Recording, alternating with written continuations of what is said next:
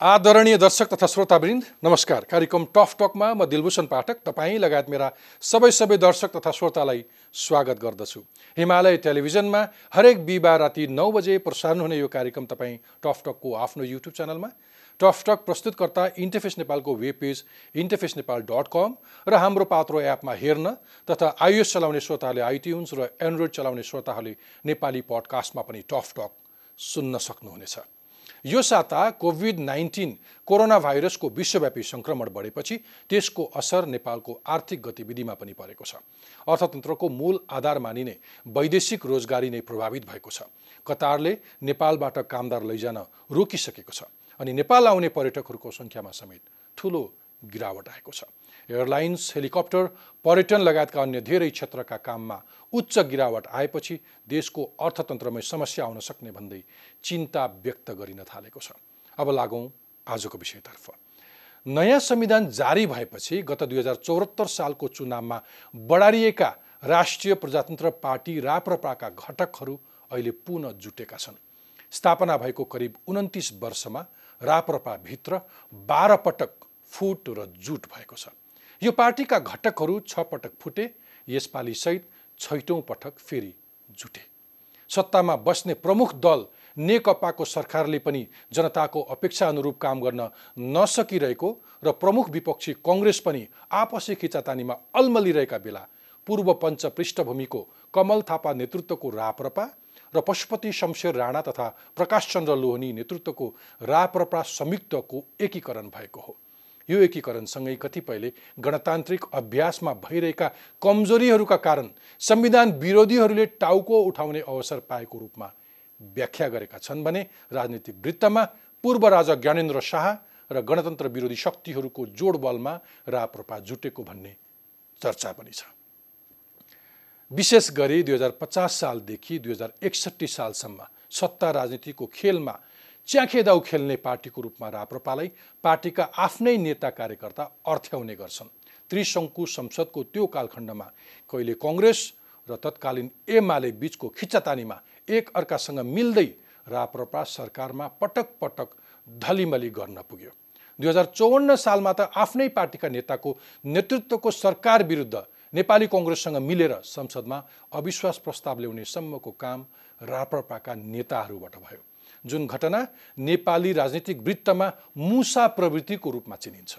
त्यतिले मात्र नभएर राजा ज्ञानेन्द्रले दुई हजार उन्साठी असोज अठारपछि अघि सारेको निरङ्कुश कदममा पनि राप्रपा नै साझेदार बन्यो। अनुदारवादी राजनीतिक धारको वैशाखी टेकेर सत्ताको भर्याङ चढ्ने क्रम गणतन्त्र स्थापना भएपछि पनि रोकिएन।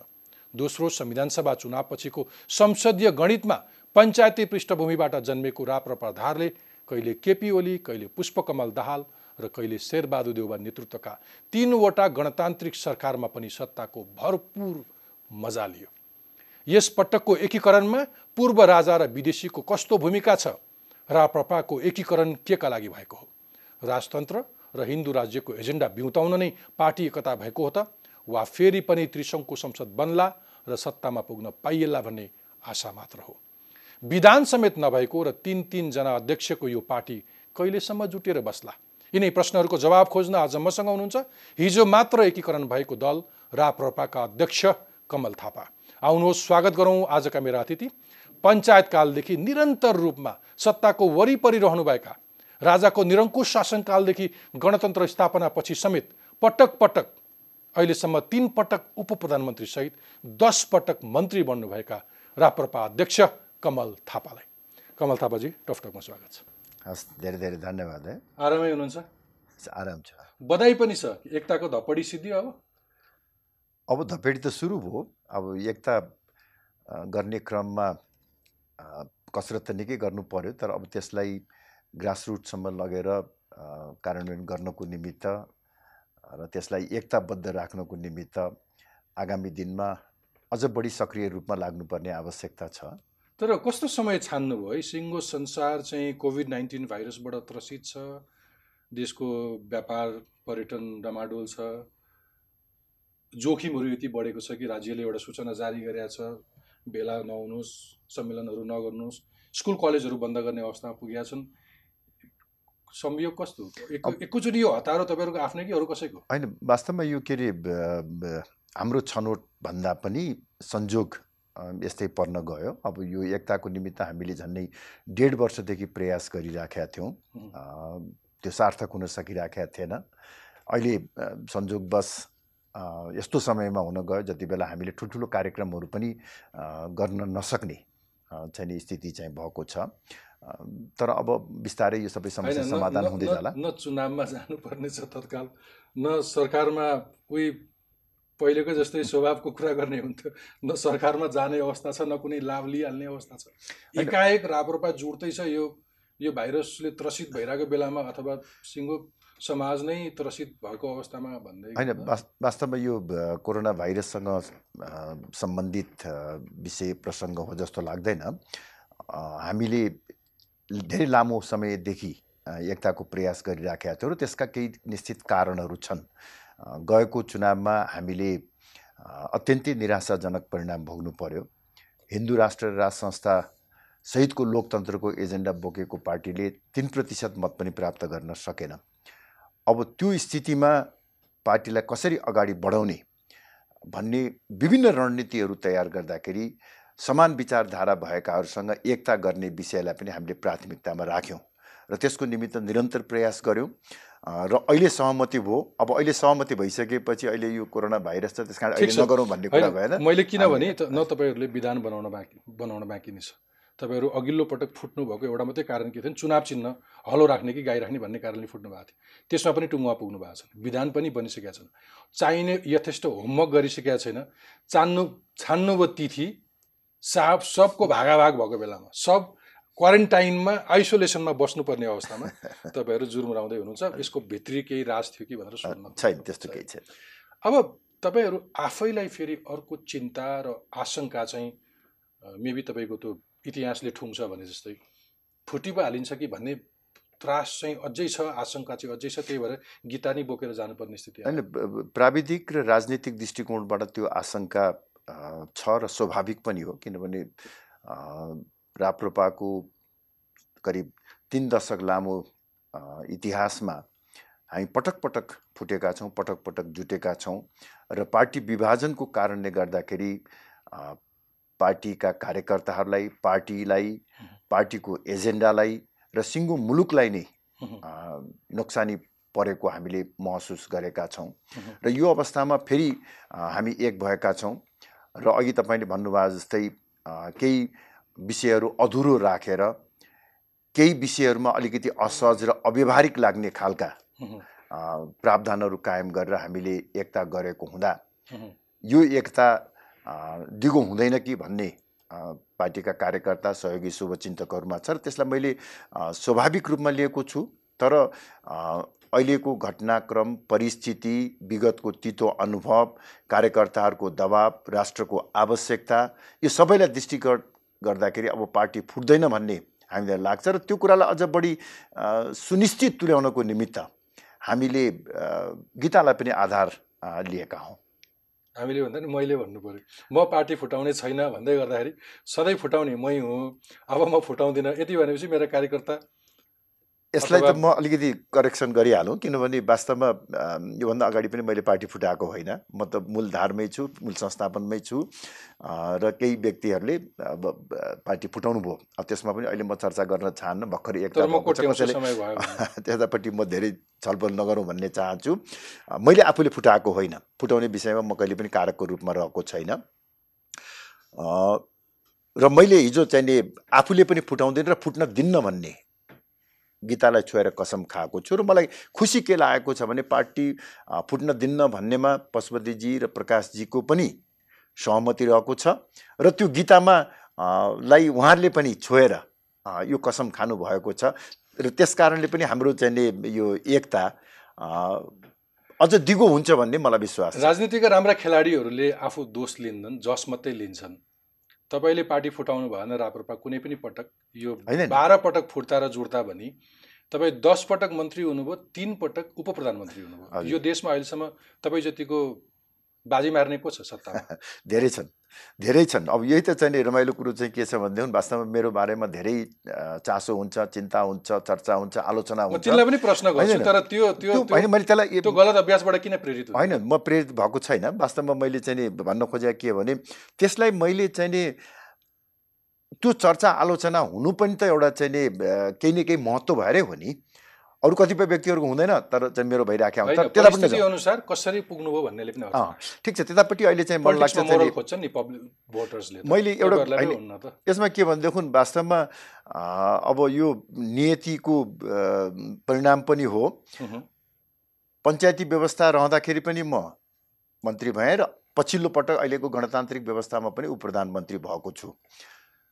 र म तपाईँले कसैले टिका लगाइदिएर मन्त्री उप प्रधानमन्त्री भन्दा पनि हरेक पटक जनताबाट निर्वाचित भएर आएको छु। जनताको विश्वासको आधारमा आएको छु। मेरा आफ्ना मूलभूत मान्यतालाई कहिले पनि छोडेको छैन फेरि हेर्नुहोस्। त्यसो हो कि तपाईँले परिस्थिति अनुसार क्यास गर्न सक्नुहुन्छ। यति चतुर पोलिटिसियन हुनुहुन्छ यति चतुर खेलाडी हुनुहुन्छ राजनीतिमा कि तपाईँले सबलाई घुमाउन सक्नुहुन्छ र आफू चाहेको ठाउँमा पुग्न? नेपालको राष्ट्रिय राजनीतिमा बहुत कम यस्ता व्यक्तिहरू छन् जसले राजनीतिक परिवर्तनहरूका बावजुद आफ्नो मूलभूत मान्यताप्रति अविचलित रूपमा निरन्तर निष्ठा राख्दै आएको छ। मान्यता र तपाईँको निष्ठाबारे म अर्को पनि प्रश्न छ मसँग। क्रमैसँग आउँ तर बेसिकली मैले तपाईँलाई क्रेडिट चाहिँ के पनि दिइरहेको छु भने अ भेरी स्मार्ट पोलिटिसियन्स तर तपाईँले आफ्नो स्वार्थ मात्रै पूर्ति गर्नुभयो। त्यो होइन। पब्लिकको लागि गर्नु त्यो होइन, मैले जनताका लागि गर्नु भएन। एउटा चाहिँ के भने वास्तवमा पार्टी विभाजन गराउने कुरो जुन प्रसङ्ग यहाँले उठाउनु भयो मेरो प्रत्यक्ष संलग्नता चाहिँ दुई हजार बैसठी सालमा भएको पार्टी विभाजनसँग छ। त्यो कुरालाई म स्वीकार गर्दछु हेर्नुहोस्। त्यो बेलामा केही मूलभूत विषयहरूमा तत्कालीन नेतृत्वसँग मेरो मतभेद भयो र मैले पद्मसुन्दर लावती र रविन्द्रनाथ शर्मासँग मिलेर पार्टी विभाजनको नेतृत्व लिएको हुँ र त्यसपछि राप्रपा नेपाल स्थापना गरेर म अगाडि बढेको हुँ। तर अहिले पनि म चाहिँ के भन्छु भने हेर्नुहोस् पछि फर्केर हेर्दाखेरि पनि अहिले म बडो आत्मआलोचनाका साथ भन्दछु। त्यो बेलामा मूलभूत विषयमा नै हामीहरूको मतभिन्नता थियो। मौलिक सैद्धान्तिक विषयमा नै। त्यति हुँदाहुँदै पनि अहिले मलाई पछि फर्केर हेर्दाखेरि लाग्छ के भने त्यो भिन्नताका बावजुद मैले पार्टीभित्रै बसेर सङ्घर्ष गर्नुपर्ने थियो। त्यो चाहिँ उपयुक्त हुन्थ्यो। तत्काल मेरो विचार मान्य हुन्थ्यो हुँदैन थियो आफ्नो ठाउँमा छ। तर त्यसको निमित्त पार्टी फुटाएर जानु चाहिँ गलत रहेछ भन्ने कुरा म अहिले महसुस गरिरहेका छु। र त्यसपछिका कुनै पनि घटनाक्रममा पार्टी विभाजनमा मेरो भूमिका छैन र भविष्यमा पनि रहने छैन। म आउँछु म आउँछु यो पटक तपाईँहरूको एकताको केही सैद्धान्तिक आधार छ? छ। के के छ। मुख्य सैद्धान्तिक आधार भनेको हेर्नुहोस् अब विगतमा बैसठी त्रिसठीको परिवर्तन पछाडि प्रमुख राजनैतिक दलहरूले एउटा मार्गचित्र अवधारणा मुलुकमा स्थापित गरे। धर्मनिरपेक्षता गणतन्त्र र सङ्घीयतालाई राष्ट्रिय राजनीतिको मूल धारमा स्थापित गरे। त्यो विचारसँग असहमति जनाएर हामीले राप्रपा नेपाल स्थापना गऱ्यौँ। त्यो विचारलाई संविधानमा स्थापित गराउन नसके पनि नेपालको राष्ट्रिय राजनीतिमा एउटा वैकल्पिक विचारधाराको रूपमा स्थापित गऱ्यौँ। हिजो हामी एक्लै थियौँ र अहिले क्रमशः हिजो गणतन्त्रको पक्षमा भोट हाल्नु भएको भए तापनि पशुपतिजी प्रकाशजी लगायतका व्यक्तिहरूलाई हामीले एकै ठाउँमा ल्याउन सफल भएका छौँ र हाम्रो अहिलेको पार्टीको एकताको मुख्य सैद्धान्तिक आधार भनेकै राष्ट्रियता प्रजातन्त्र र उदारवादको चिन्तनमा आधारित सम्वर्धनवाद सम्वर्धनवाद भनेको यसलाई अब यसको एक्ज्याक्ट इङ्ग्लिस ट्रान्सलेसन छैन। अलिकति यसको क्लोज यो रिलेसन चाहिँ कन्जर्भेटिजमसँग हुन सक्दछ। सम्वर्धनवाद भनेको त के भने नेपालको सन्दर्भमा निरन्तरतासहितको परिवर्तन वैदिक मूल्य र मान्यतामा आधारित सामाजिक आर्थिक राजनैतिक व्यवस्था बुझ्ने गरी भन्नुहोस्। धर्मनिरपेक्षता? यसको एजेन्डाको रूपमा पूर्ण धार्मिक तपाईँले अहिले घुमाएको भाषा मेरा दर्शक श्रोताले बुझ्दैन होइन म आउँदै थिएँ म आउँदै थिएँ यो यो मैले अलिकति दार्शनिक ढङ्गबाट चाहिँ यो। कुराहरू राखेँ भने। यसको एजेन्डाको रूपमा अब चाहिँ आउँदाखेरि चाहिँ। पूर्ण धार्मिक स्वतन्त्रता सहितको सनातन हिन्दू राष्ट्र दोस्रो राज संस्था सहितको लोकतन्त्र तेस्रो सङ्घीयताको वर्तमान संरचना होइन सुदृढ स्थानीय स्वायत्त शासन अर्थात् केन्द्रमा एउटा बलियो सरकार र स्थानीय तहमा योभन्दा पनि अझ बढी अधिकार सम्पन्न स्थानीय सरकार। दुई। तहको भनेको तपाईँ हुन्छ। बिचको प्रदेशको चाहिँदैन। त्यसको साथसाथै हाम्रो अर्को महत्त्वपूर्ण एजेन्डा भनेको उदार अर्थतन्त्र हेर्नुहोस्। यो समाजवादी। साम्यवादी होइन। हामी। उदार अर्थतन्त्रमा विश्वास गर्दछौँ। यी हाम्रा चाहिँ प्रमुख एजेन्डाको रूपमा ओके ओके। म क्रमैसँग आउँछु। तपाईँले कस्तो राजतन्त्र खोजेको? अब फेरि राजतन्त्र आयो भने तपाईँले कसलाई राजा मान्नुहुन्छ? अथवा संहिता नभएर तपाईँले खोजिरहेको अर्को विकेन्द्रीकृत प्रणाली कस्तो? म क्रमैसँग आउँछु। तर त्यो सबै जानको लागि तपाईँका यी सिद्धान्तहरू टेक्नको लागि चाहिँ तपाईँको पार्टी एकीकरण भयो। होइन?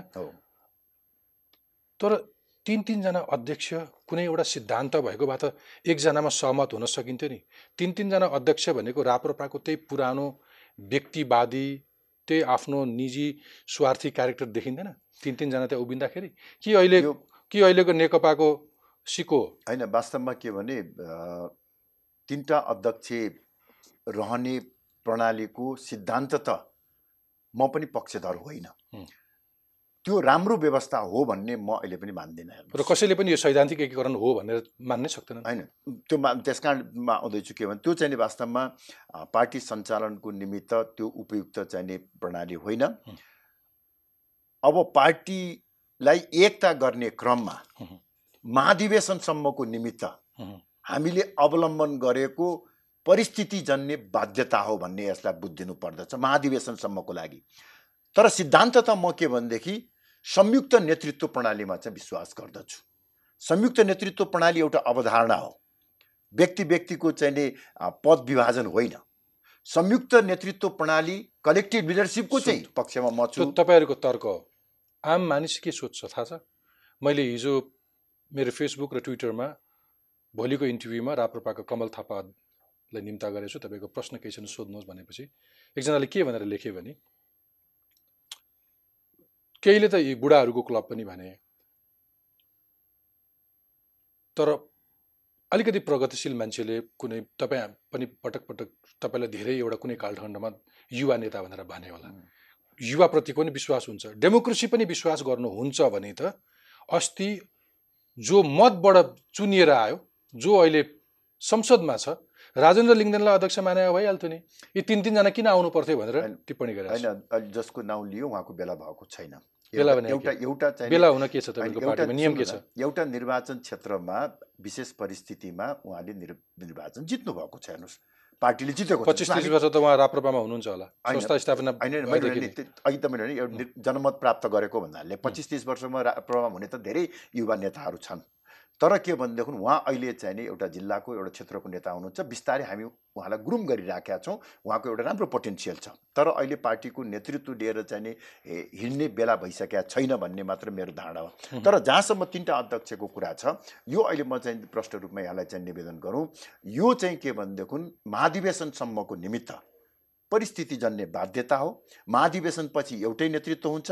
त्यो ने एउटा नेतृत्वमा भोलि जो पनि आउन सक्छ। है तपाईँले नाम लिनुभएको राजेन्द्र लिङ्गदेन पनि हुनसक्छ धवल शमशेर पनि हुनसक्छ सुनिल थापा पनि हुनसक्छ विक्रम पाण्डे पनि हुनसक्छ अरू कोही पनि आउन सक्दछ सुनिल थापा कसरी आउनुहुन्छ? उहाँ पनि पार्टीमै हुनुहुन्छ नि। हुनुहुन्छ? हुनुहुन्छ नि। अब केही कुरा असहमति होला हिजो आउनु भएन तर चाहिँ नि पार्टीमै हुनुहुन्छ मलाई लाग्छ उहाँ चाहिँ नि तपाईँहरू तिनजना मध्ये एकजना अध्यक्ष घरमा बोलाउन पुग्नुभयो बाँकी दुईजना अध्यक्षले पटक पटक धुरन्धर फोन गर्नुभयो। उहाँले तपाईँहरूसँग मेरो वैचारिक सहमति छैन म आउन सक्दिनँ भनेर क्लियरली तिनवटा? अध्यक्ष मध्ये एउटा अध्यक्ष म कङ्ग्रेसमा प्रवेश गर्न तयारी हुँदैछ होइन। तिनवटा अध्यक्ष एउटा अध्यक्ष म पनि हुँ। मैले उहाँसँग चाहिँ नि हिजो फोनमा सम्पर्क गरेको पनि छैन। केही अगाडि त भएको हो र उहाँ चाहिँ नि सकारात्मकै हुनुहुन्थ्यो। र मलाई लाग्छ सुनिल थापा सूर्यबहादुर थापा जो राष्ट्रिय प्रजातन्त्र पार्टीका संस्थापक नेता हुनुहुन्छ।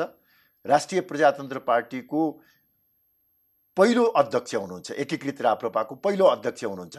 सुनिल थापाको लिगेसी भनेको सूर्यबहादुर थापाको विचारलाई निरन्तरता दिने हो। सूर्यबहादुर थापाले चाहिँ स्थापना गरेको पार्टीलाई निरन्तरता दिने हो। काङ्ग्रेसमा गएर एउटा केन्द्रीय सदस्य वा सांसद मान्छे- मात्रै चाहिँ उहाँको लक्ष्य हो जस्तो मलाई मान्छे। पनि त्यसरी परम्परागत रहिरहनु पर्छ र मान्छे समय अनुकूल आफूलाई परिमार्जित गर्दैन। विचारका हिसाबले आफू अपडेटेड हुन चाहँदैन वास्तवमा के भनेदेखि उहाँले जुन राजनीतिक विचार बोकेर हिँडिराख्नु भएको छ त्यो विचारलाई लिएर जान सक्ने ठाउँ राप्रपा नै हो हेर्नुहोस्। तपाईँहरूमा चाहिँ के भिन्नता छैन? पशुपति शमशेर राणाजी अथवा प्रकाश चन्द्र लोहनीजी र तपाईँहरू? मूलभूत विषयहरूमा अहिले हामीले सहमति कायम गरेका छौँ। त्यस कारणले गर्दा त्यसमा भिन्नता हुनुपर्छ भन्ने मलाई लाग्दैन। कसरी सहमत हुनुभयो उहाँ एकाएक? देशको परिस्थितिलाई उहाँले हृदयङ्गम गर्नुभयो। देशलाई अहिले एउटा बलियो राष्ट्रवादी प्रजातान्त्रिक शक्ति आवश्यक छ भन्ने कुरा महसुस गर्नुभयो। र सम्भवतः आफ्नो विगतको पृष्ठभूमिलाई पनि विचार गर्नुभयो। यी सबै कारणले गर्दाखेरि मलाई लाग्छ हामी यो समान विचारधारामा सहमत हुन सक्यौँ। भोलि विधान लेख्दै गर्दाखेरि अथवा निर्वाचन चिन्हमा जाँदै गर्दाखेरि अर्को मतभेद आउन सक्ने सम्भावना? म त्यो सम्भावना देख्दिनँ अब। विवादहरू हुन सक्छन् तर विवादका बावजुद। पार्टीभित्रै बसेर सङ्घर्ष गर्नुपर्छ भन्नेमा हामीहरूको सहमति छ। भनेपछि पशुपति शमशेर राणाजी अब राजतन्त्र ल्याउनै पर्छ भन्ने कुरामा सहमत हुनुहुन्छ तपाईँहरूसँग? राज संस्था सहितको लोकतन्त्रको पक्षमा प्रतिबद्ध हुनुहुन्छ। निकै ठुलो परिवर्तन भइसकेको छ तपाईँहरू बिचमा आन्तरिक। समयको माग भन्दा पनि हुन्छ। तपाईँ अब हिजोसँगै बसेर काम गरेका राजासँग काम गरेका व्यक्तिहरूमा त यो स्वाभाविक नै हो। अहिले अन्य पार्टीहरूमा पनि त्यो परिवर्तन देखिएको छ चाहे त्यो हिन्दू राष्ट्रको पक्षमा होस् चाहे सङ्घीयताको पक्षमा भनेको नेपालमा गणतन्त्र यति कमजोर भइसक्यो अब राजतन्त्र बिउताउन सकिन्छ भन्ने निष्कर्ष हो तपाईँहरूको म एउटा कुरो चाहिँ के तपाईँलाई निवेदन गर्न चाहन्छु भने हेर्नुहोस् नेपालको भू राजनीतिक अवस्थालाई दृष्टिगत गर्दाखेरि। यो तितो लाग्न सक्दछ। राज संस्था सहितको प्रजातन्त्र नै नेपालको राष्ट्रिय सुरक्षा र अस्तित्वको यथार्थ हो यसलाई पनि हामी के भनेदेखि न नेपालको भू राजनीतिक बाध्यता भन्न सक्छौँ हेर्नुहोस्। नेपाल जस्तो भू राजनीतिक अवस्था भएको मुलुक अन्त छैन त्यस कारणले यसको तुलना गर्न मिल्दैन। नेपालको जुन किसिमको जियो पोलिटिकल लोकेसन छ एकातिर विशाल चिन अर्कोतर्फ विशाल भारत। फरक राजनीतिक पद्धति मात्र होइन विश्वको महाशक्ति बन्ने चाहना राखेका छन्। स्वाभाविक रूपले उनीहरूको चिन्ता चासो र स्वार्थ छिमेकमा हुन्छ र नेपालमा छ। त्यो त तपाईँ पावर प्लेयरहरूको अर्थ लगाइ हो। अस्ति त त्यो राजाको शासन पनि नेपाली जनताले देखेको हो हेरेको हो। तपाईँको मन्त्री काल पनि देखेको हो तपाईँको प्रधान उप प्रधानमन्त्रीत्व काल पनि देखेको हो नि। त्यो तपाईँको तर्क हो। एनिवेज म यसमा खालि चाहिँ के चाहिँ डिफर गर्छु भने हेर्नुहोस्। राजाको शासनकालमा थुप्रा विकृति र विसङ्गतिहरू देखिए होला गभर्नेन्सको कुरामा। तर मुलुकको राष्ट्रिय स्वतन्त्रता र अस्तित्वको प्रश्न मा चाहिँ प्रश्न चिन्ह खडा भएको तर यो भावना मात्रै नबेच्नुहोस् न विकास के भएको थियो? मलाई भनिदिनुहोस् त। विकासकै कुरा गरौँ भने के भएको थियो? एउटा हाइवे देखाउनु बाहेक अरू के छ? हाइवे मात्र होइन नेपालको जति पनि विकास निर्माणका चाहिँ परिकल्पना नेपालीहरू आजभोलि विदेश पनि जान्छन्। ऊ पटक पटक सिङ्गापुर पुगेका छ ऊ पटक पटक मलेसिया पुगेका छ। कति नेपालीहरूले कोरियामा गएर हातगोडा काटेर आएका छन् तिनले ती देशहरू देखेका छन्। राजाको समयमा जुन मुलुकहरूले छलाङ मारे ती मुलुकहरूको विकासको क्रम पनि देखेका छन्। र यहाँको त सङ्कुचन राजनीति मान्छे बोल्न नपाउने अवस्था पनि देखे होला। मेरो आग्रह पूर्वाग्रह भन्दा पनि मैले होइन मैले त्यतिखेरको अवस्था मात्रै। देखाउन होइन मैले त एउटा कुरा चाहिँ के यहाँ चाहिँ नि तपाईँ मार्फत आम नेपाली जनतालाई प्रश्न पार्नु जरुरी छ जो एउटा ठुलो भ्रम पारिएको छ। नेपालमा राजाले शासन गरेको अवधि भनेको त्यही दुई तिन दशक मात्र हो। अरू दुई सय चालिस वर्षको अरू। सबै मुलुकले तेइस निश्चित समयमा प्रगति गरे। त्यो पनि होइन। नेपालमा राजाको प्रत्यक्ष चाहिँ नि नेतृत्व भएको पञ्चायत काल हो र विकासको निर्माणको दृष्टिकोणबाट पञ्चायतलाई नेपालको अहिलेसम्मको दृष्टिकोणमा स्वर्णिम काल भन्न सकिन्छ। त्यतातिर नजाउँ। त्यसकारण मैले तपाईँलाई अघि एउटा स्मार्ट पोलिटिसियन्स भने तपाईँले अनुकूलको व्याख्या गर्नुहुन्छ। मैले तपाईँका संस्थापक म त्यसलाई तपाईँको तर्कसहित डिफेन्ड गर्न सक्छु। ठिक छ। मैले तपाईँको संस्थापक सूर्यबहादुर थापाजीलाई सोधेका थिएँ। तपाईँ यति पटक राजाको कार्यकालमा प्रधानमन्त्री हुनुभयो तर मुलुकले विकास गर्न सकेन। तपाईँ जस्ता भिजनलेस अथवा तपाईँहरूले राजालाई सल्लाह दिन सक्नु भएन कुनै भिजन दिन सक्नु भएन या राजाले चाहेनन् भनेर सोधेका थिएँ। उहाँले मलाई जवाब दिन सक्नु भएन मैले उहाँलाई अर्को अन्तर्वार्ता गर्छु भनेको थिएँ। भलै त्यो सौभाग्य पाइनँ। कुनै अर्को समयमा तपाईँसँग फेरि बहस गरौँला तर आज मलाई अरू नै विषयमा कुरा गर्नु छ। तपाईँले कस्तो राजा खोजेको? यो बडो राम्रो प्रश्न गर्नुभयो। वास्तवमा हामीले बैसठी त्रिसठीभन्दा अगाडिको जस्तो राजा वा राज संस्थाको परिकल्पना गरे होइन। अब त्यो सम्भव छैन। हामीले तपाईँले अघि त्यही त्यही त्यही त्यही समयको होइन होइन। त्यो खालि तपाईँले प्रश्न राजाको पालामा गर्दै हुनुहुन्थ्यो होइन राजाको पालामा के भयो भन्ने कुरा सोध्नु भएको हुनाले प्रश्न गरे हौँ। अब विगततर्फ नजाउँ। त्यो बेलाको जस्तो राजा चाहियो होइन। त्यो बेलाको जस्तोको चाहिँ राजा होइन। अब हामीले कसैलाई चाहेले मन पराए पनि नमन पराए पनि गणतन्त्र अहिले देशको यथार्थ भएको छ। कतिपय जनता गणतन्त्रको पक्षमा छन्। त्यस कारणले परिवर्तनकारी शक्तिहरू गणतन्त्र पक्षधरलाई पनि चित्त बुझ्ने सहमति र सम्झौताको राज संस्थाको हामीले परिकल्पना गरेका हौँ। संविधान अन्तर्गत रहने संसदको नियन्त्रणमा रहने राज संस्थाको हामीले परिकल्पना गरेका हौँ। शासन नेपाली जनताले चुनेका दल र नेताहरूले गर्ने राष्ट्रियता र? एकताको प्रतीकको रूपमा किन चाहियो कि? हामीसँग त्यति धेरै खर्च छ पाली रकम कसैलाई खर्च? होइन खर्चको कुरा गर्ने। हो नि? त मलाई लाग्छ राज संस्थाको खर्च भन्दा त्यसको वैकल्पिक संरचनाको निमित्त पनि कम खर्च छैन। अहिलेका छोटे राजाहरूले झन् बढी बढी खर्च त्यतापट्टि नजाउँ। प्रश्न छैन। अब म तर किन चाहियो त त्यसो भए? हो यो चाहिँ बडो चाहिँ यो- बारेमा हामीले अलिकति छलफल गर्नु जरुरी छ। यस कारण चाहियो हेर्नुहोस् वास्तवमा मैले अब राजा ज्ञानेन्द्रसँग मैले सँगै बसेर काम गरेँ भन्ने दृष्टिकोणबाट वा भोलि राजा आएपछि मैले के किन पाउँछु भन्ने दृष्टिकोणबाट यो कुरा भनिराखेका छैन हेर्नुहोस् मैले अघि पनि भने नेपालको भू राजनीतिको कुरा। गरेँ। स्वाभाविक रूपले हाम्रा दुवै छिमेकीहरूको नेपालमा चिन्ता र चासो हुन्छ स्वार्थ पनि हुन्छ मलाई लाग्छ मैले तपाईँ- तपाईँलाई याद छ? एउटा कुरा म सकिहालौँ मैले यो कुरा चाहिँ मलाई लाग्छ चाहिँ मैले तपाईँलाई बताइराख्नु पर्ने छैन। आम जनतालाई पनि थाहा भइसकेको कुरा छ कि नेपालमा आफ्नो चासो चिन्ता र स्वार्थ परिपूर्तिका निमित्त यी दुवै छिमेकी मुलुकहरूले राजनैतिक नैतिक मात्र होइन आर्थिक रूपमा पनि लगानी गरेका छन्। चुनाव लड्नको निमित्त आन्दोलन गर्नको निमित्त सरकार बनाउन र गिराउनको निमित्त जुन आर्थिक सहयोग लिन्छन् विदेशीसँग त्यो आर् दान दातव्य चन्दा पुरस्कार होइन। त्यो स्थितिमा त्यो स्थितिमा यसलाई म कम त्यो स्थितिमा म अहिले कसैको नियतमाथि प्रश्न चिन्ह उठाउन चाहन्न। त्यो स्थितिमा कुनै दिन जनताबाट चा चुनिएको भनिए तापनि नेताहरूको मती बिग्रिएर राष्ट्र चाहिँ सङ्कटमा पर्यो भने सम्पूर्ण नेपालीहरूलाई एकजुट राजाले मात्र जोगाउने होइन। सम्पूर्ण राष्ट्रलाई एउटा चाहिँ एकजुट बनाउनको यो- त यो- त भाषण मात्रै भयो आम आम मतदातालाई लोभ्याउने कुरा मात्रै भयो।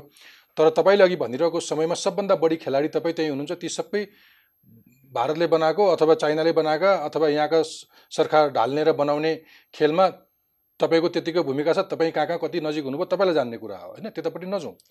तर तर पछिल्लो यसमा मैले भन्नुपर्छ हेर्नुहोस्।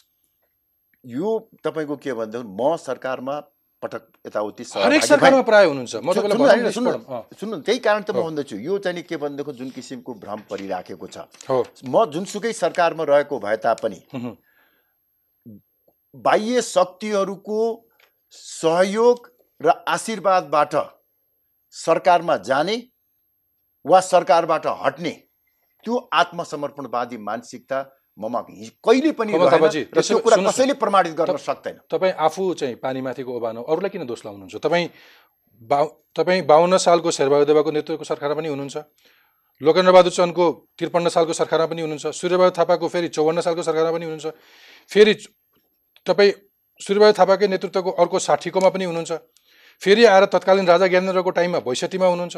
केपी ओलीको बहत्तरमा हुनुहुन्छ। पुष्पकमल दाहालको त्रिहत्तरमा हुनुहुन्छ। शेरबहादुर देवाको चौहत्तरमा हुनुहुन्छ। अनि यी सबै सरकार चाहिँ अरू कसैले ढाल्ने र बनाउने गर्यो। त्यसमा सबभन्दा की मिनिस्ट्री तपाईँ लिनुहुन्छ तपाईँ चाहिँ फेरि उनीहरू दोषी तपाईँ। सग्लो कसरी? तपाईँले अहिले नाउँ लिनुभएका सरकारहरूमध्ये केपी ओलीसम्मको सरकारमा मेरो सहभागिता ठिक थियो आवश्यक थियो। प्रचण्डको नेतृत्वमा बनेको सरकारमा मेरो सहभागिता एउटा गम्भीर राजनीतिक भुल थियो। त्यसको म पचासौँ पटक आत्मालोचना गर्छु। गल्ती स्वीकार गर्दछु। सरकारमा गएको भोलिपल्टदेखि जुन किसिमको एउटा अनकम्फर्टेबल सिट अवस्था मैले महसुस कति महिना गरेँ कति महिना खानुभयो? एक डेढ महिना। सम्भवतः सम्भवतः नैतिकताको आधारमा यहाँ त तपाईँको के भनेदेखि गएको मात्र हिसाब हुन्छ। नेपालमा कुनै मलाई लाग्छ अरू इक्जाम्पल देखाउन सक्नुहुन्न। तत्कालीन अवस्थामा प्रचण्ड नेतृत्वको सरकार ले काङ्ग्रेससँग चाहिँ नि स- एकछिन बग्नु काङ्ग्रेससँग चाहिँ नि अ, सहमति गरेर जब प्रधान न्यायाधीश सुशीला कोइरालालाई सुशीला कार्कीलाई। हटाउने नियत गर्यो एक डेढ महिनाभित्रमा मैले मात्र होइन मेरो पार्टी सरकारबाट हट्ने निर्णय गरेको छु। गएको मात्र थाहा हुन्छ। मान्छेले अरू को छ त्यस्तो एक्जाम्पल भने ठिक छ। त्यसो भए कमल थापाजी को त राजा? कसलाई बनाउन खोज्नु भएको तपाईँले राजा?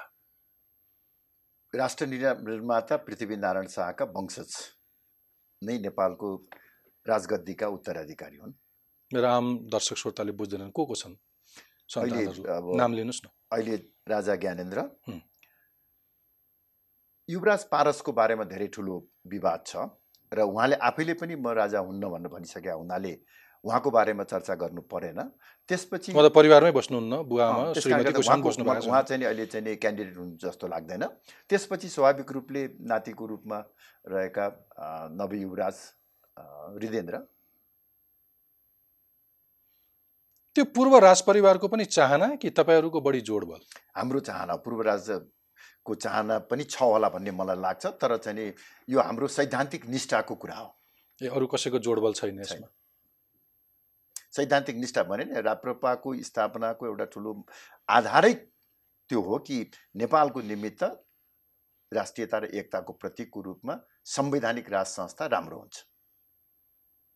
देश अस्ति त चलिरहन्छ तर यस्तै स्थिति रहन्छ। स्थायित्वको निमित्त ढुक्क भएर बस्नको निमित्त एउटा अभिभावक चाहिन्छ।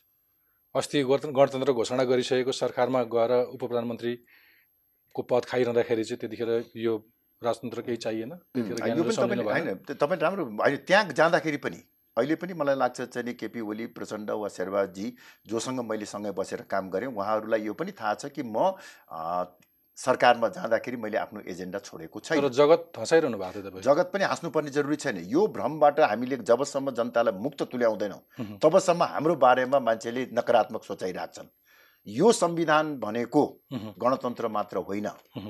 यो संविधान भनेको सङ्घीयता र धर्मनिरपेक्षता मात्र होइन। गणतन्त्र शासकीय स्वरूप हो। धर्मनिरपेक्षता सामाजिक सांस्कृतिक व्यवस्था हो। सङ्घीयता संरचना मात्र हो र नेपालको संविधानले जनताको अभिमतबाट यी मान्यताहरू परिवर्तन गर्न सक्ने अधिकार दिएको छ।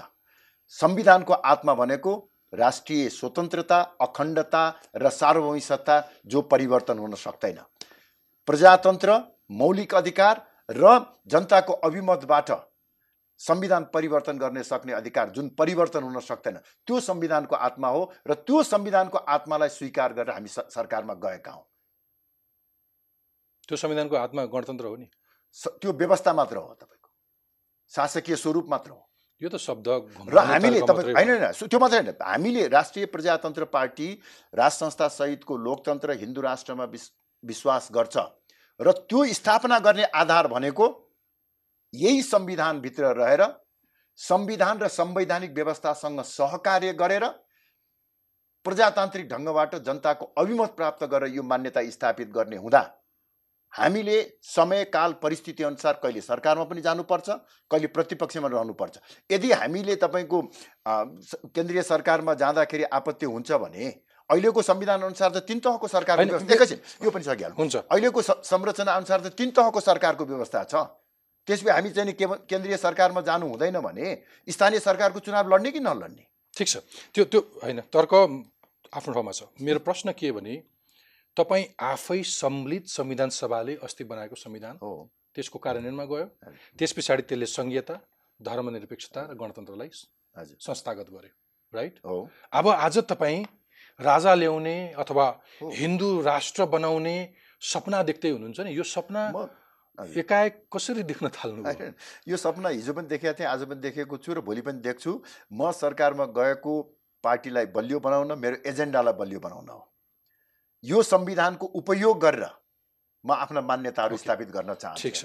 सर संविधानलाई उपयोग गरेर यो यो प्रश्न बुझ्नु सर पर्छ नडाँटिकन भन्नुहोस्। हजुर। तपाईँहरूलाई यसका लागि कसको समर्थन छ? जनताको। जनताले त तपाईँहरूलाई अस्ति पराजित गरेर जम्मा एक्ला राजेन्द्र लिङ्गदेनलाई निर्वाचित गरेर पठाएको। त्यहाँको पोलिटिक्स पनि मैले बोल्नु परेन। म त्यही क्षेत्रको हो। कसरी कृष्णप्रसाद छिटौला हारे कसको के पोलिटिक्स थियो. कसरी चिठा पऱ्यो कि एउटा नभए संसदीय राजनीतिबाट करिब करिब सय प्रतिशत शत प्रतिशत तपाईँहरू बढारिएको अवस्था हो। अब फेरि जनता जनता भन्दाखेरि सम्भवतः जनता हाँसिरह होलान्। तिनको अपमान हुन्छ। जसले जसलाई मत। हाले तिनले बोल्न पाउँछन्। अर्को निर्वाचनसम्मका लागि। भलै तिनले मत हालेका। बहुमत प्राप्त गरेको सरकारको हालत पनि देखिया छ। प्रश्न के हो भने ननारिकन भनिदिनुहोस् न। जनता बाहेक अरू को कसको समर्थन छ? अरू कसैको मलाई थाहा छैन। मसँग म तपाईँको के भन्दै भने हेर्नुहोस् म त्यो स्वाभिमानी राजनीतिक व्यक्ति हुँ। नेपालको राजनीतिमा नेपालको राजनीतिक व्यवस्थाका बारेमा विदेशी शक्तिहरूसँग सल्लाह परामर्श र सहयोग लिएर चढ्ने व्यक्ति म होइन। तर पछिल्लो पटक पूर्व राजा ज्ञानेन्द्र स्वयं कतिपय भारतका अतिवादी हिन्दू कट्टरवादीहरूसँग अथवा मठ मन्दिरतिर जति जाने आउने छ अथवा भित्र बाहिर गरिरहनु भएको छ पछिल्लो केही समय त धेरै हप्ता महिना दिन पनि उहाँ विदेशै बस्नु भएको छ त्यो सबै कुराहरू जोडिएर आउँदैन? यसमा पनि म प्रष्ट छु हेर्नुहोस्। मैले सार्वजनिक रूपमा भनेको छु र आज पनि तपाईँको उसमा छु। यदि विदेशी शक्तिको सहयोगमा राज संस्थालाई पुनर्स्थापना गर्ने वा गर्न सकिन्छ भने राजा ज्ञानेन्द्रको सोचाइ छ भने त्यो सोचाइ पनि गलत हो। विदेशी शक्तिको सहयोगमा स्थापना हुने कुनै पनि मान्यता टिकाउ हुँदैन जबसम्म नेपाली जनताको सहयोग र समर्थन हुँदैन। यदि नेपालमा राज संस्था स्थापना हुन्छ भने हिन्दू राष्ट्र पुनर्स्थापना हुन्छ भने आज कति जनमत आएको छ त्यो मेरो चिन्ताको विषय होइन। भोलिको कुरा गर्दैछु म। यदि नेपालमा राज संस्था स्थापना हुन्छ र त्यो टिकाउ हुन्छ भने नेपाली जनताका मतबाट हुन्छ। यहीँकै राजनीतिक दलहरूको सहमतिमा हुन्छ। बाह्य शक्तिहरूबाट चाहिँ स्थापित भएको कुनै पनि मान्यता टिकाउ हुँदैन। तर यो अनभिज्ञता हुँदाहुँदै तपाईँ यत्रो निर्णय गर्न पुग्नुभयो। पार्टी एकीकरणको पूर्व राजा ज्ञानेन्द्रसँग दोहोरो कुनै कुरा भएन। तपाईँले केही प्रश्न गर्नुभएको छ? यो एकताको सन्दर्भमा मेरो दोहोरो कुरा भएको छैन। पछिल्लो पटक कहिले भेट्नु भएको थियो पूर्व राजा धेरै लामो? भइसक्यो। लामो भने आमा छोराको लामो। सात आठ दिन हुन्छ। होइन नौ नौ दस महिना भयो होला। नौ दस महिना। हजुर। के कुरा भएको थियो पछिल्लो भेटमा? पछिल्लो भेटमा हुँदाखेरि अब देशको चाहिँ परिस्थितिको बारेमा चाहिँ छलफल भयो। पार्टीको गतिविधिका बारेमा मैले उहाँलाई चाहिँ भेट्दाखेरि जानकारी गराउने गरेको छु. र ने देशको अवस्थाप्रति उहाँको चिन्ता व्यक्त भयो। त्यो बाहेक अरू केही छैन। चासो इच्छा। म एउटा कुरा प्रश्न छु हेर्नुहोस् उहाँ इच्छा उहाँको इच्छा छ राजा बन्ने? नेपाली जनताले चाहिँ यदि जिम्मेवारी दिन्छन् भने त्यो जिम्मेवारी बोक्नको निम्ति तयार छु भन्ने कुरा मलाई मात्र होइन सबैलाई भनेको कुरा। आम पोलिटिसियन्सको भाषा हो। होइन होइन, उहाँले भनेकै कुरा हो भन्दैछु म। जे होस् राजा बन्ने इच्छा छ उहाँलाई। जनताले चाह्यो भने जनताले चाह्यो भने तपाईँले भने जस्तै राजा बन्न पनि तयार हुनुहुन्छ। त्यो बारेमा विस्तृत रूपमा छलफल भएको छैन हेर्नुहोस्। पहिला हामी म एउटा कुरो फेरि पनि तर मेरो प्रश्न के हो भने तपाईँ यति स्पष्टसँगले डिबेट गरौँला यो कन् जुन कन्फिडेन्सका साथ तपाईँ राजतन्त्रको वकालत गर्दै हुनुहुन्छ अनि जो तपाईँले वकालत गरेको राजगद्दीमा आएर बस्ने मान्छेको धारणा तपाईँले बुझ्नु भएको छैन भने तपाईँले लिएर हिँडेको एजेन्डा त फेरि भोलि काम नलाग्न सक्छ नि। काम भोलि लाग्छ कि लाग्दैन भोलि जनताले पत्याउँछन् कि पत्याउँदैनन् त्यो पनि मैले सोचेको छैन हेर्नुहोस्। म तपाईँको के भने मेरो आफ्नो कन्भिक्सनको आधारमा हिँडेको छु। जुन कुरो मैले तपाईँको आफ्नो चेतनाको विकास गरेको युवा अवस्थादेखि नै। जुन चेतनालाई मैले चाहिँ आत्मसात गरेको छु त्यसलाई लिएर हिँडेको छु म एउटा कुरो तपाईँलाई चाहिँ भनौँ। वास्तवमा हिजो अत्यन्तै प्रतिकूल अवस्थामा। राज संस्था र हिन्दू राष्ट्रको एजेन्डा बोकेर हिँड्ने व्यक्ति र पार्टी राप्रपा नेपाल हो हेर्नुहोस्। राप्रपा हो यो राप्रपालाई फुटाउने क्रममा आज यो तितो कुरा पनि त गरिहाल्नु है त। समय धेरै छैन। पार्टी फुटाउने क्रममा देशी विदेशी शक्तिहरू त लागे। तपाईँहरू? पशुपतिजी र प्रकाशजी पनि दृश्यमा देखिनुभयो। तर मेरो हातले हस्ताक्षर गरेर राप्रपा नेपालले जनताबाट प्राप्त गरेको अभिमतको आधारमा सांसद र मन्त्री बनाइएका व्यक्तिहरूले पार्टी फुटाउने कागजमा हस्ताक्षर नगरेको भए यो पार्टी फुट्दैन थियो र आज हाम्रो एजेन्डा यति कमजोर लाचार रूपमा हामी रहनु पर्दैन थियो। हिजो शून्यबाट चार चारबाट पच्चिस पच्चिसबाट सैँतिस पुऱ्याएर देशको तेस्रो ठुलो शक्ति हामीले बनाएका थियौँ। तपाईँले आज मेरो प्रोग्राममा मैले पार्टी फुटाएन प्रकाश सोनलोनी र पशुपति शमशेर भन्नुभयो। हिजो आफ्ना कार्यकर्ताको बिच गीता बोकेर लगेर मैले पार्टी फुटाउने छैन भन्नुभयो। सारा कार्यकर्ता तपाईँको पार्टीका मान्छेले कमल थापाले पार्टी फुटाउने गरेछ भनेर भन्छन्। त्यसकारण त्यसको जवाब दिनुभयो हो नि। यही त चाहिँ त्यसकारण मैले तपाईँले स्मार्ट भने। सुन्नु भ्रम भ्रम भ्रम नछरिदिनुहोस् कि। पार्टी मैले फुटाएको होइन भन्ने कुरा त म जहाँको तिनै। तर। अब त्यस्तो मैले फेरि हिजो गीता छोएर भनेको मैले मैले त शब्दै हो म पार्टी फुटाउने छैन अलिक भावुक हुनु होइन होइन अर्को तपाईँले त्यो फेरि क्लिप हेर्नुभयो हुन्छ फुट्न दिन्न। आफू पनि फुटाउँदिन ठिक छ कसम खाएर ठिक छ। मलाई मलाई फेसबुकमा एकजना फलोवर्सले सोधेको थियो कि यो धर्मको राजनीतिबाट अथवा जनताको बहुमतले गणतन्त्रमा गइसकेको परिस्थितिमा फेरि राजतन्त्र र धर्मको नाममा यो राजनीति गर्न खोज्नु कति जायज हो कति कति अहिलेको समय सापेक्ष सोच हो भनेर सोधेका थिए जसले यो प्रश्न गर्नुभयो उहाँले धर्मलाई सम्प्रदाय वा पन्थको रूपमा मात्रै बुझ्नुभयो। ओके। धर्म भनेको रिलिजन होइन। खास गरी सनातन धर्मको कुरा गर्दाखेरि त यो रिलिजन होइन। राज्य रिलिजन निरपेक्ष हुन सक्छ। हुँ, पन्थ निरपेक्ष हुन सक्छ सम्प्रदाय निरपेक्ष हुन सक्छ। हुँ, तर धर्म निरपेक्ष हुन सक्दैन समाज पनि निरपेक्ष हुन सक्दैन राष्ट्र पनि निरपेक्ष हुन सक्दैन हेर्नुहोस्। त्यस कारणले गर्दाखेरि हामीले पूर्ण धार्मिक स्वतन्त्रता सहितको सनातन धर्म सापेक्ष शशाङ्क कोइरालाले भने जस्तै नेपाली कङ्ग्रेसको शशाङ्क कोइरालाले उहाँले के भन्नुहुन्छ त्यो राजनीति गर्ने त्यति त बुझ्नुहुन्छ। एनिवेज अनि तपाईँहरूलाई लागेको के संहिता चाहिँ अब काम लाग्नु छोड्यो? संहिता नेपालले धान्न सक्दैन हेर्नु। संहिता सिद्धान्त त आफैमा एउटा खराब प्रणाली होइन तर अब संसारमा चाहिँ पनि हेरौँ न दुई सय देशहरूमध्ये पच्चिस छब्बिसवटाले प्रयोग गरेका छन्। आफ्नो देशको आवश्यकता अनुसार प्रयोग गर्ने हो। अब यहाँ एक थरीले त्यत्तिकै लहडै लहडमा चाहिँ लिएर आइदिए हेर्नुहोस्। अब यसलाई धान्नको निमित्त अब हामीले चाहिँ नि आर्थिक दृष्टिकोणबाट तपाईँ पनि त्यही संविधान सभामा हुनुहुन्थ्यो। तपाईँ आफै विरोध गऱ्यौँ राप्रपा मात्रै एउटा राप्रपा नेपाल मात्रै त्यो पार्टी हो जसले संविधान सभामा धर्मनिरपेक्षता गणतन्त्र र संहिताको विपक्षमा लिखित रूपमा मतदान गरेको छ। So, आजको कन्क्लुजन चाहिँ फेडरलले काम गर्दैन तपाईँहरूको। गर- धान्न सक्दैन। यसलाई अलिकति तपाईँको नामै संहिता भन्नुपर्छ भने पनि बिचको तह निकालिदिनुहोस्। केन्द्रीय र। चाहिँ स्थानीय सरकार राखे पुग्छ त्यो चाहिँ त्यो चाहिँ के आधारले के समन्वय देख्नु भएन तलको तह र केन्द्रको अथवा काम त्यसको त्यसको अधिकार नेपालको जुन किसिमको चाहिँ भौगोलिक अवस्था छ जुन किसिमको हाम्रो चाहिँ आकार छ यो पृष्ठभूमिमा त्यो किसिमको संरचनाको आवश्यक छैन। तपाईँको सङ्घीय संरचनामा जाँदाखेरिका पृष्ठभूमि अरू मुलुकहरूलाई हेर्ने हो भने त्यसका आफ्ना कारणहरू छन् ओके कि? ओके। अब यो सबै कुरा गरिसकेपछि तपाईँले एउटा बलियो राष्ट्रवादी वैकल्पिक शक्ति बनाउने हाम्रो पार्टीलाई भनेर जुन भन्नुभयो नि हजुर। यो के मुलुकमा राष्ट्रवादी शक्तिको चाहिँ अभाव हो यो देशमा? हेर्नुहोस् अब के राष्ट्रियताको नारा भेट्न सजिलो हुन्छ नेपालमा दुई हजार सात सालमा प्रजातन्त्र आएपछि स्थापना भएका नेपाली काङ्ग्रेस र कम्युनिस्ट। दुवै पार्टीहरू। लेफ्टिस्ट र सेन्टर लेफ्ट पार्टीहरू हुन् वामपन्थी र मध्य वामपन्थी।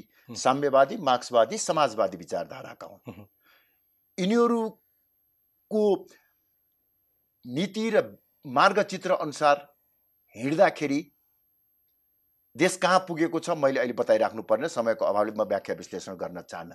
यसको विकल्पमा सेन्टर राइट पार्टीको रूपमा सेन्टर राइट आइडियोलोजीको रूपमा ओके। हामीले संवर्धनवादको सिद्धान्तलाई अगाडि बढाउन खोजिरहेछौँ जसको मूल तत्त्व भनेको राष्ट्रियता प्रजातन्त्र र उदारवाद हुन्।